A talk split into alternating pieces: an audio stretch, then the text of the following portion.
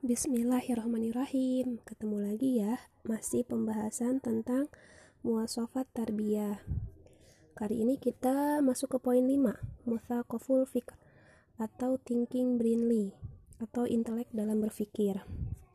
Nah, ada firman Allah di Quran surat Al-Furqan ayat 44 yang artinya atau apakah engkau mengira bahwa kebanyakan mereka itu mendengar atau memahami, mereka itu hanya seperti hewan ternak, bahkan lebih sesat jalannya.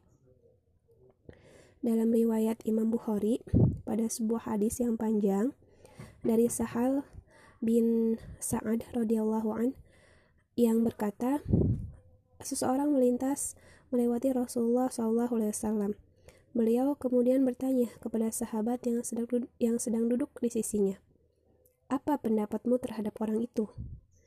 Dia lalu berkata, seseorang dari kalangan orang-orang mulia, lelaki ini demi Allah, jika dia melamar, maka akan diterima lamarannya. Dan jika meminta pertolongan, maka akan dikabulkan permintaannya.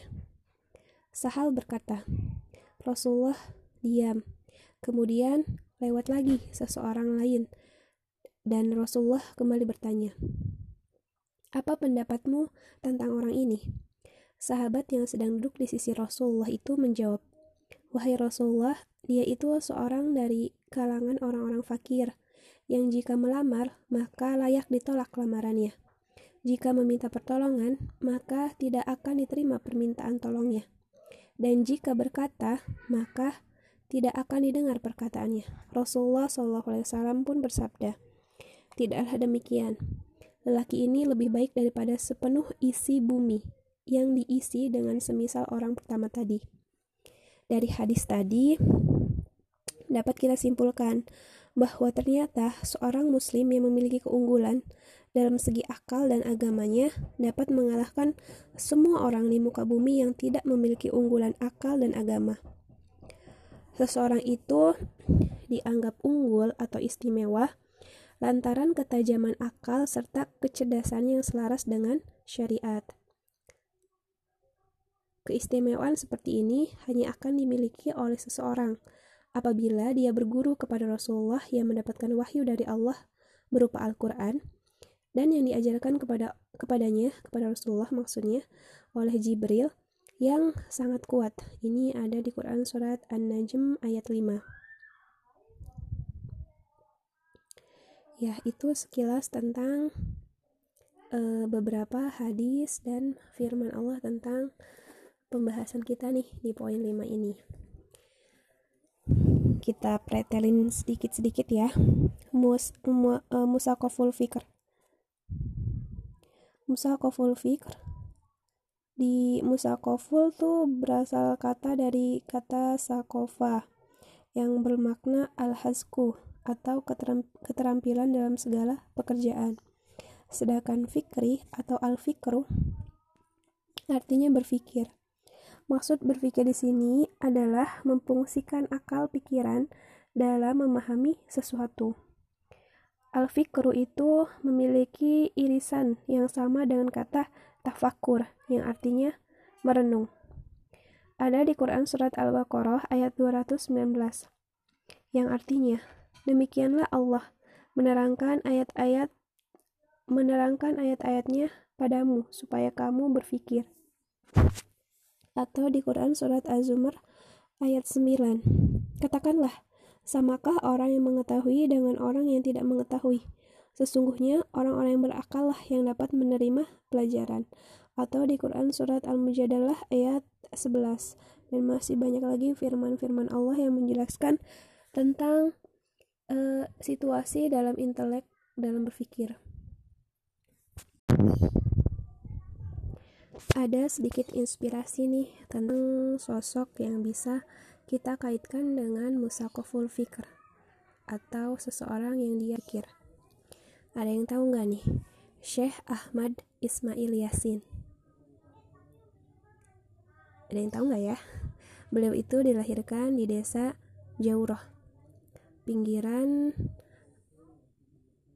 selatan jalur Gaza, Al-Mijdal beliau itu mendirikan Hamas Al-Harakatul Mukorowamatul Islamiyah dengan rekannya Abdul Aziz Arantisi dan Khalid Mesal tahun 1987. Masya Allahnya, beliau adalah seorang yang sangat-sangat intelek. Beliau di balik intelektualitasnya merupakan seorang tunanetra dan seorang paraplegik atau uh, seorang yang punya kelumpuhan yang mempengaruhi semua atau sebagian dari batang tubuhnya atau tungkainya atau organ di bagian panggulnya. Sehingga beliau dalam melakukan segala aktivitasnya hanya bisa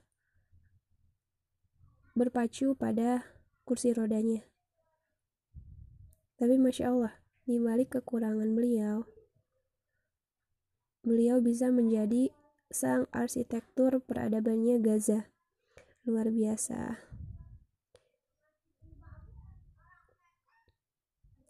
Ke mana-mana beliau harus menggunakan kursi roda. Beliau adalah seorang pejuang intifadah. Beliau wafat dibunuh pada Senin 22 Maret 2004 ketika helikopter Israel menghantamkan rudalnya berupa tiga roket ke kendaraannya selepas sholat subuh dalam keadaan yang Masya Allah beliau sedang berpuasa. Ada yang mengatakan Selain beliau, ada sembilan orang lainnya yang wafat. Dan Masya Allah, saking inteleknya beliau, saking pemikiran beliau diterima, hampir di saat prosesi pemakaman beliau, ada sebanyak 200 ribu orang, terkhusus surga Palestina yang menghadiri prosesi makamnya beliau Masya Allah. Saking mulianya beliau saking keilmuannya yang luar biasa saking intelektualitasnya beliau. Benar-benar sang inisiator sang pembawa perubahan yang luar biasa. Beliau ditinggalkan oleh ayahnya sejak usia tiga tahun. Beliau Syekh Ahmad Ismail Yasin menikah dengan Halimah Yasin yang memiliki 11 anak. Luar biasanya beliau. Di balik keterbatasannya, beliau pernah diterima di salah satu universitas di Al-Azhar, Kairo. Tapi karena ada beberapa pertimbangan, beliau tidak meneruskan dan tidak mengambil beasiswa itu. Insya Allah ya. Beliau da, e, meskipun dengan keterbatasannya masih mau menghasilkan banyak karya. Sampai pada saat beliau dalam keadaan di penjara pun masih bisa berkontribusi untuk agamanya, untuk Islam, untuk Gaza. Masya Allah. Di balik keterbatasannya, beliau adalah gurunya peradaban. Pasti di tiap sekolah, beliau punya pendidiknya pendidiknya masing-masing dan masih banyak kisah-kisah yang keren lah dari beliau teman-teman bisa cek sendiri di balik keterbatasannya beliau masya Allah luar biasanya beliau.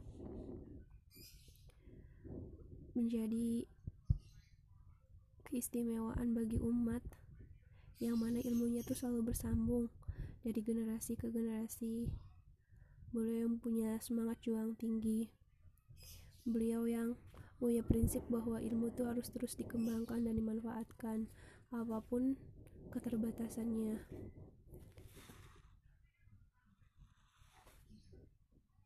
luar biasa lah. Sosok yang benar-benar bukan hanya sekadar punya kapasitas dalam keilmuan tapi benar-benar memanfaatkan kapasitas keilmuan itu. Makanya tadi kita e, makna al-fikr itu kan sebanding dengan kata tafakur atau merenung. Beliau bukan hanya sekedar punya pola pikir yang hanya untuk prioritas dirinya sendiri tapi benar-benar pola pikir yang direnunginya yang benar-benar untuk kejayaan umat seperti apa. Sampai di akhir hayatnya pun masih yang dipikirkan adalah umat. Masih yang dipikirkan adalah kontribusi ke depannya seperti apa dan sebagainya. Insya Allah teman-teman juga bisa baca di Wattpadnya saya. Di sana ada uh, kisah tentang sosok sang peradaban Gaza ini. Ya. Ya contoh dari penerapannya nih selain kisah tadi tentang Syekh Ahmad Yasin ada beberapa contoh seperti uh, hafal juz 28 29 dengan baik, membaca tafsir Al-Qur'an, mengkaitkan antara Al-Qur'an dengan realita, menghafalkan seluruh hadis dari Arba'in An-Nawawiyah. Yang kelima, menghafal 50 riyadus solihin, mengkaji marhalah madaniyah dan menguasai karakteristiknya, mengenal sirah 20 suhada, dari kalangan sahabat, mengetahui hukum zakat, mengetahui fikih haji, membaca 7 jam setiap pekan di luar spesialisasi spesialisasi diri kita. 11. Mengetahui sisi-sisi sumuliatul Islam, mengetahui problematika kaum muslimin baik nasional maupun internasional, mengetahui apa kerugian di dunia dan kemunduran kaum muslimin, mengetahui urgensi khilafah dan kesatuan kaum muslimin, mengetahui arus pemikiran Islam kontemporer, menghadiri orientasi dan seminar-seminar, mengetahui dan mengulas tiga risalah, mengetahui dan mengulas risalah aqaid, memahami amal jama'i dan taat, membantah suara-suara miring yang dilontarkan pada kita, mengetahui bagaimana proses berdirinya negara Israel, mengetahui informasi baru dari problematika kontemporer, memiliki kemampuan mengulas apa yang ia baca, menyebarluaskan apa saja yang diterbitkan, koran dan terbitan-terbitan kita, berpartisipasi, melontarkan dan memecahkan masalah dan masih banyak lagi ya contoh penerapan dalam kehidupan sehari-hari itu hanya sebagian kecil saja.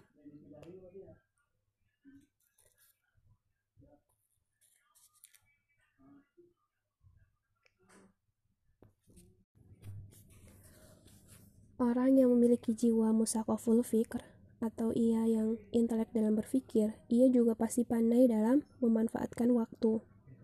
Nah, seorang mukmin tidak akan lepas dari beberapa hal, di antaranya waktu yang dimanfaatkan untuk amal fardu, baik amalan fardu itu berupa sesuatu yang wajib dilakukan ataupun sesuatu yang wajib ditinggalkan.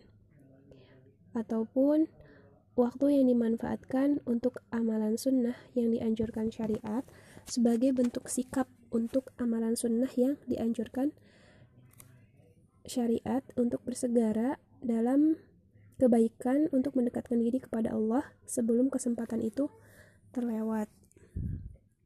Dan waktu yang dimanfaatkan untuk melakukan amalan mubah berupa keperluan jasmani dan hati. Tidak ada pemanfaatan waktu untuk yang keempat, yaitu bagi seorang mukmin. Karena pemanfaatan waktu yang keempat berarti melakukan pelanggaran terhadap hukum-hukum Allah.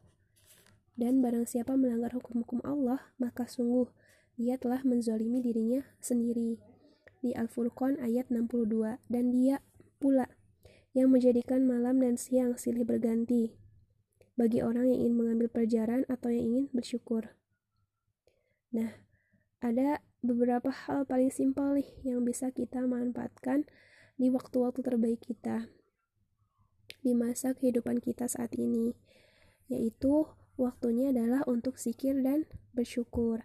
Karena zikir adalah bagian iman dan ilmu sedangkan syukur adalah bagian amal dari suatu ilmu. Ada di Quran, di Quran surat Saba ayat 13 berkejalah wahai keluarga Daud untuk bersyukur kepada Allah.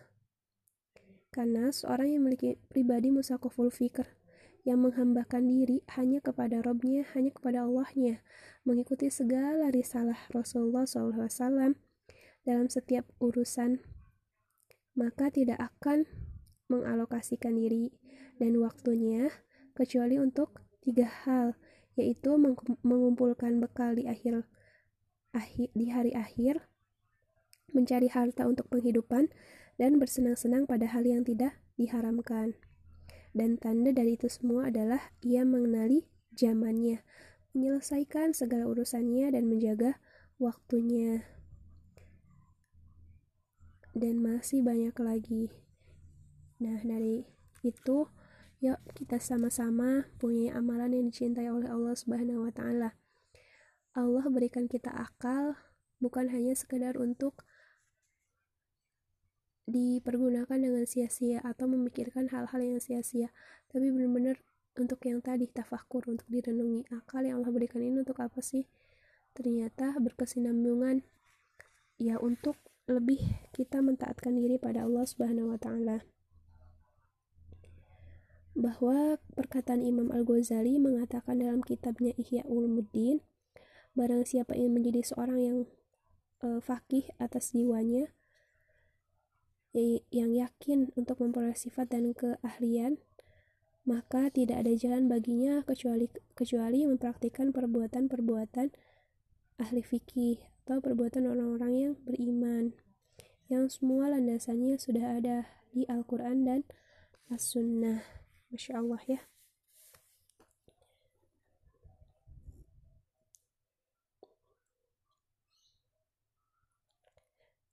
jadi yuk manfaatkan pemikiran-pemikiran kita menjadi ilmu yang lebih bermanfaat, ilmu yang didapatkan untuk menjadi lentera bagi kehidupan kita, bagi seluruh anggota keluarga kita, bagi masyarakat yang lebih luas. Yuk kita sama-sama mengumpulkan itu semua. Wallahu a'lam bishawab. Assalamualaikum warahmatullahi wabarakatuh.